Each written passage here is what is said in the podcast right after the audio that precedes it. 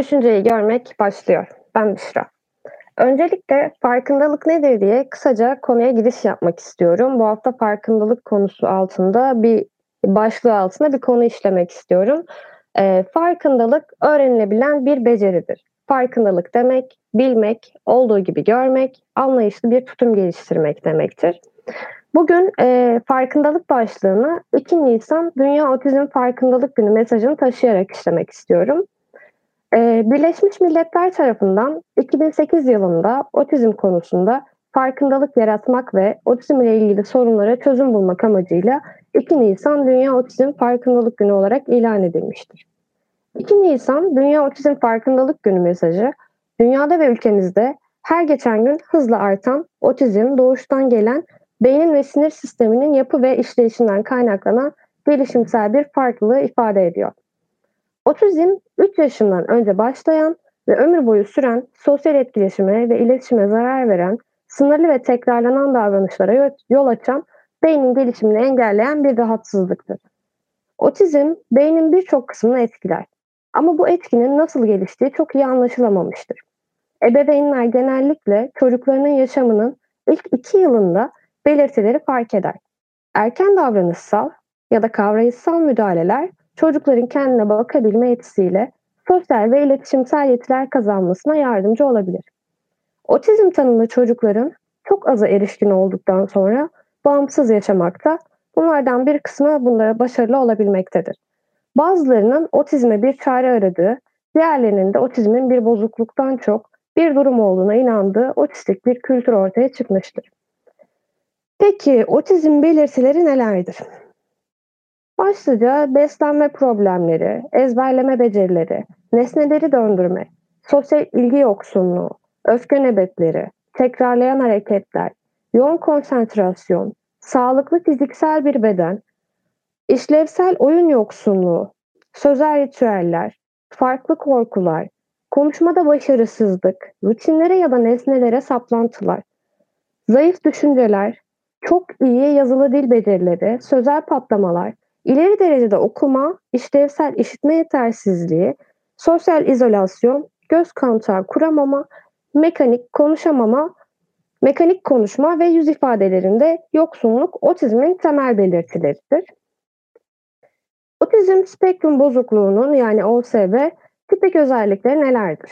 1. Sosyal etkileşim sorunları.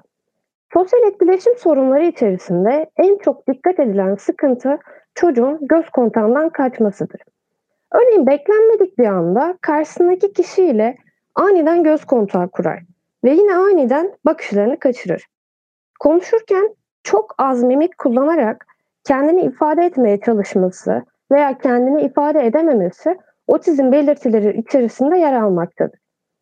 Sesinin yüksekliğini ayarlayamaması ve kalabalık bir ortamda insanlar ile arasında bulunması gereken mesafeyi ayarlayamaması durumları ile karşılaşılabilir.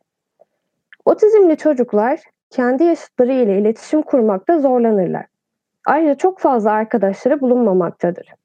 İlgilendikleri ve paylaşmaktan zevk aldıkları konularda oldukça sınırlıdır. Aslında paylaşım konusunda çok istekli değillerdir. Bu nedenle grup halinde gerçekleştirilen aktivitelere uyum sağlamakta zorlanırlar.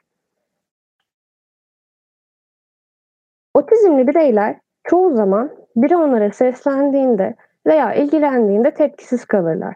İsimleri söylense dahi duymuyormuş gibi yapabilirler. Diğer çocukların ilgisini çeken şeyler onların ilgisini çekmez ve ortamda gelişen olaylara karşı kayıtsız kalırlar. Bunlardan bir diğeri iletişim sorunlarıdır. Konuşarak iletişimde oldukça yetersiz kalırlar. Bir konuşma başlatmak otizmli bireyler için çok zordur. Devam eden bir konuşmayı ilerletmek de otizmli bireylerin kolay kolay başaramadığı durumlar arasında yer almaktadır. Konuşma esnasında bazen konuşmalar kendi kendine konuşmalara döner ve karşı tarafa olan ilgi azalır. Genel konuşma kurallarından farklı olarak otizmli bireyler kendilerine has bir dil geliştirirler. Başkalarının onlara söyledikleri şeyleri tekrar etme eğilimleri vardır. Oynadıkları oyunlar aynı yaşta çocukların oynadıkları oyunlara göre daha zayıf ve sınırlı olmaktadır. Mesela e, evcilik gibi hayal gücünden yararlanılarak oynanacak oyunları oynayamazlar. Oyuncakların nasıl oynanacağına çoğu zaman keşfetmekte zorlanırlar. Genelde oyuncağı sürekli olarak bir yere vurma veya kendi elleriyle oyuncağı vurma gibi eğilimler içerisindedirler. Üçüncü maddede sınırlı ve yinelenen davranışlar. Otizmli bireylerin ilgi alanları oldukça sınırlıdır. Ancak ilgi duydukları nesne veya konulara karşı da aşırı tepki göstermektedirler. İlgi duydukları konulara karşı o kadar ilgili olurlar ki o konu ile ilgili en ince ayrıntıyı bile hatırlayabilirler. Günlük yaşantılarında belli bir rutin belirlememişlerdir ve sürekli bunu e, uygulamaya koymak isterler. Bu ritim bozulduğunda da sinirlenirler. Oluşturabilecek herhangi bir rutin bozucu duruma karşı önceden karşılarına çıkabilecek şeyleri düşünüp ona göre hareket ederler. Tüm bunların yanı sıra ilgilerini çeken bir şeyi ellerine alıp en ince ayrıntısına kadar inceledikleri de belirtiler arasında yer almaktadır. Ee, peki otizmli çocuğa nasıl davranılmalıdır? İlgi, ihtiyaç, beklenti ve gelişimleri farklı olan otizmli çocuklar hayatı farklı algılamakta ve yaşamaktadırlar. Bu yüzden e, normal hayatta zorluk yaşamaktadırlar. Bu nedenle ebeveynlerin bu noktada duyarlı olmaları ve çocuğun hayatını düzenlemeleri oldukça önemlidir. Çocuğa verilebilecek görevleri içeren planlar yapılmalı ve çocuğun bunları yapmaları e, sağlanmalıdır. Otizmli çocuğun gelişimi için şu davranışlara dikkat edilmelidir. İlk olarak çocuğun durumu kabul edilmelidir. Çocuğa hazırlanacak plan ve çocuğun uyan, e, uyanacağı saat, yüzünü yıkayacağı saat, kahvaltı edeceği saat ve yapacakları görevler ile ilgili saatler ayarlanmalıdır. Otizmli çocuklar ev ve odaları ile ilgili değişikliklerden hoşlanmadığı için sürekli değişiklik yapılmamalıdır. Otizmli çocuklarda tekrarlayıcı hareketler sık görüldüğünden onunla birlikte bu hareketler yerine yapabileceği basit hareketler öğretilmelidir. Çocukla sık biçimde konuşulmalı ama çocuk bu konuda zorlanmamalıdır. Günlük hayatta günlük hayatla ilgili konular konuşulabilir. Otizmli çocuklar kendilerini ifade etme noktasında zorluk yaşamaktadırlar. Bu sebeple çocuğun konuşması teşvik edilmelidir. Otizmli çocuklar anlatılanları anlamayabilir. Bu yüzden bu durum doğal karşılanmalıdır. Çocuğun bir konuyu öğrenmede zorluğu olabilir. Bu yüzden onların gelişimleri adına bu bir fırsat olarak görülmeli ve sonraki öğrenmeleri için zemin hazırlanabilir. Otizmli çocuklar çok ışıklı ortamdan rahatsız olurlar. Bu yüzden aşırı aydınlatmadan kaçınılmalıdır. Gürültülü ortamlar onları son derece rahatsız eden ortamlardır. Yaşanılan çevre ve evin gürültüden uzak olması onlar için önemlidir. Otizmli çocuklar bazı nesneleri öğrenme konusunda oldukça hevesli ve ilgilidirler. Onların bu durumu desteklenmeli ve takdir edilmelidir. Otizmli çocuklar mecaz anlatımları anlamayabilirler. Bunun için ona ne demek istendiği basit olarak aktarılmalıdır. Otizmli çocukların sağlığına dikkat edilmeli ve belli aralıklarla kontrollere götürülmelidir. Çocuktan istenilen davranışların nedenleri de ona açıklanmalıdır. Çünkü neyi, niçin yaptıklarını anlamayabilirler. Otoriter davranışlardan kaçırılmazdır. E, çünkü bu durum onların daha da kötüleşmesine ve şiddete başvurmasına yol açabilir. Ceza verme gibi davranışlardan kaçınılmalıdır. Bu durum onların kaygılarını arttırmakta, onları daha da fazla etkilemektedir. Otizmli çocuğa ilgi gösterilmeli, sıcak ve anlayışlı davranışlar sergilenmelidir. Onlara sevgiyle yaklaşılmalıdır. Onların en çok ihtiyaç duydukları anlayıştır. Onları anlayın ve anladığınızı ona hissettirin. Diyerek bu konuyu bitiriyorum. Ee, otizmli çocuğun ebeveynine sorulmaması gereken bir takım sorular ve yaklaşılmaması gereken davranışlar vardır. Ee, bu sorulara şöyle bir göz atabiliriz. Örneğin e, çocuğunuz bir sanat veya müzik dehası mı? Çocuğunuzun hangi özel yetenekleri var? Tarzında bir soru. Birçoğumuz e, bazı filmlerde gördüğümüz otizmli örneklerinde olduğu gibi otizm spektrumunda yer alan tüm bireylerin olağanüstü sanatsal, müzikal veya matematiksel yeteneklere sahip olduğunu düşünmüşüzdür. Oysa gerçekte spektrumun sadece yaklaşık %10'u bu niteliklere sahip oluyor. O yüzden böyle bir soru sormaktan e, sakının, uzak durun diye tavsiyede bulunmak istiyorum. Bir diğer soru, başka çocuğunuz var mı? Onlar da otizmle mi? E, diyelim ki lösemili bir çocuğun annesiyle konuşuyorsunuz. Ona başka çocuğunuz var mı? Onda da lösemi var mı? Gibi sorular yöneltebiliyor musunuz? Cevabınız hayır ise otizmli çocuğun ebeveynine de sormamalısınız. Diyorum. Bir sonraki soru. Eşinizle akraba mısınız? Bu da çok sık sorulan bir soru aslında. Hani bunu şey sanıyorlar işte akraba evliliğinden hani kaynaklı olan bir hastalık gibi gelebilir. Fakat otizmli bir çocuğun e, ya bir çocuğun otizmli olması için akraba olmanız gerekmek gerekmemektedir. Otizm genetik olarak e, ailesel aktarım olan bir hastalık değildir. Bu algıyı lütfen silin ve bu tarz saçma sorulardan da e, uzak durmaya çalışın. E, bir diğer bir soru daha var. E, çocuğunuz neden otizmli oldu? Otizmin bilinen tek bir nedeni yoktur.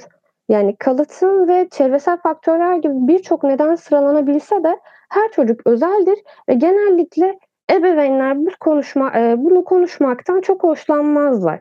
E, bu soruyu yani sormak için yanıt tutuşuyorsanız da yapmayın. Yani gerçekten lütfen yapmayın.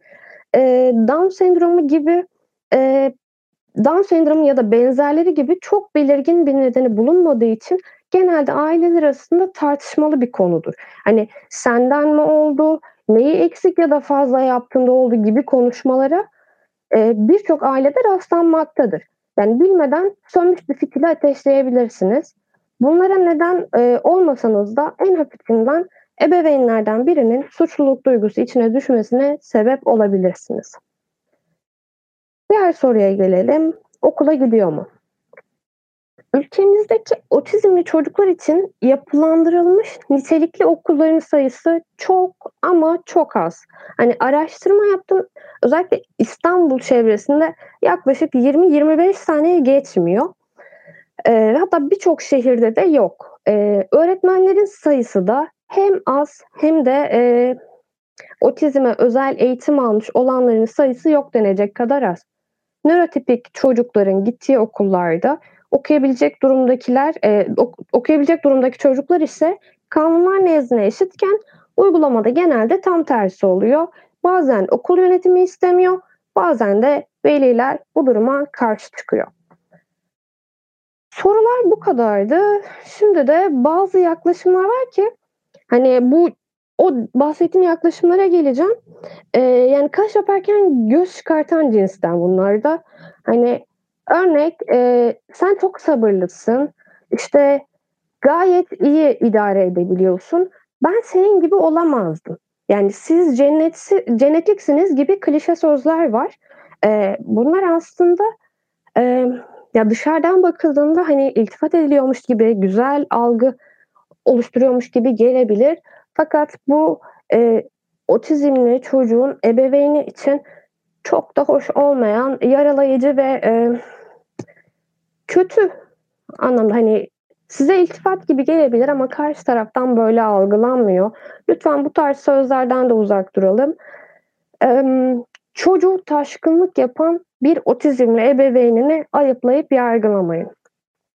O anlarda yapabileceğiniz bir yardım varsa destek olun ya da sonsuza kadar susabilirsiniz. O anların neden yaşandığını onların ayakkabısıyla yürümediğiniz sürece bilemezsiniz. O olay büyük olasılıkla ebeveynin beceriksiz, yetersiz, isteksiz veya kötü niyetli olduğundan ya da çocuğun, bireyin kötülüğünden, eğitimsizliğinden, şımarıklığından yaşanmıyordur. Belki de sadece yüksek bir sesten, ışık ya da karın ağrısından veya bambaşka basit bir nedenden bile kaynaklanıyor olabilir. Bir şey yapabilecek becerideyseniz yapıp yardım edin. Değilseniz lütfen gözünüzü dikip izlemeyin. Bir diğer yaklaşım, eee, en azından otizm spektrumunda çocuğu olan ebeveynlerin önünde nörotipik bir çocuğun ebeveyni olarak sizi rahatsız eden sıradan şeyler hakkında şikâyetçi olmayın. Bunlar şöyle, öncesinde bir yudum su içmek istiyorum. Ve devam ediyorum.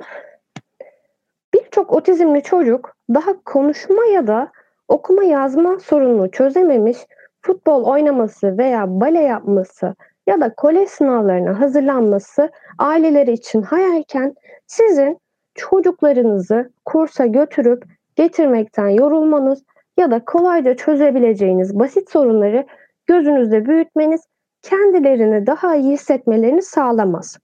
Unutmayın, uzmanlara göre otizmli çocukların ortalama %25'i tek kelime bile konuşamamaktadır.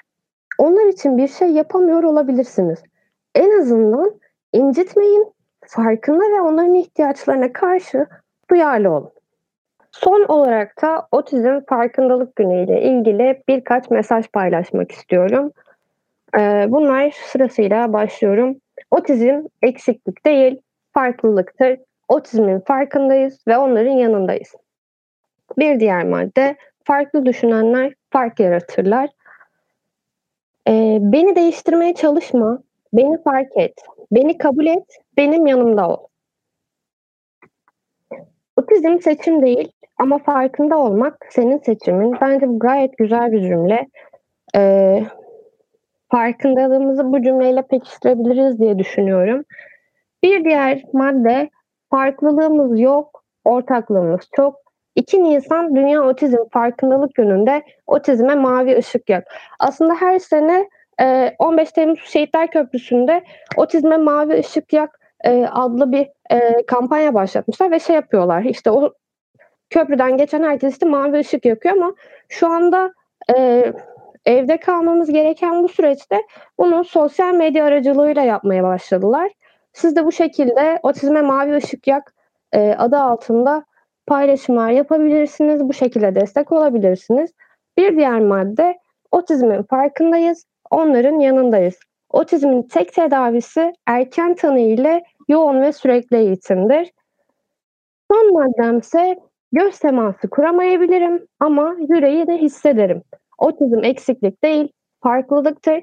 Otizmin farkındayız ve onların yanındayız. Sizler de sosyal medya aracılığıyla bu tarz paylaşımlarla farkındalık yaratabilirsiniz. Teşekkür ediyorum. Ben Büşra. Düşünceyi görmek bitti.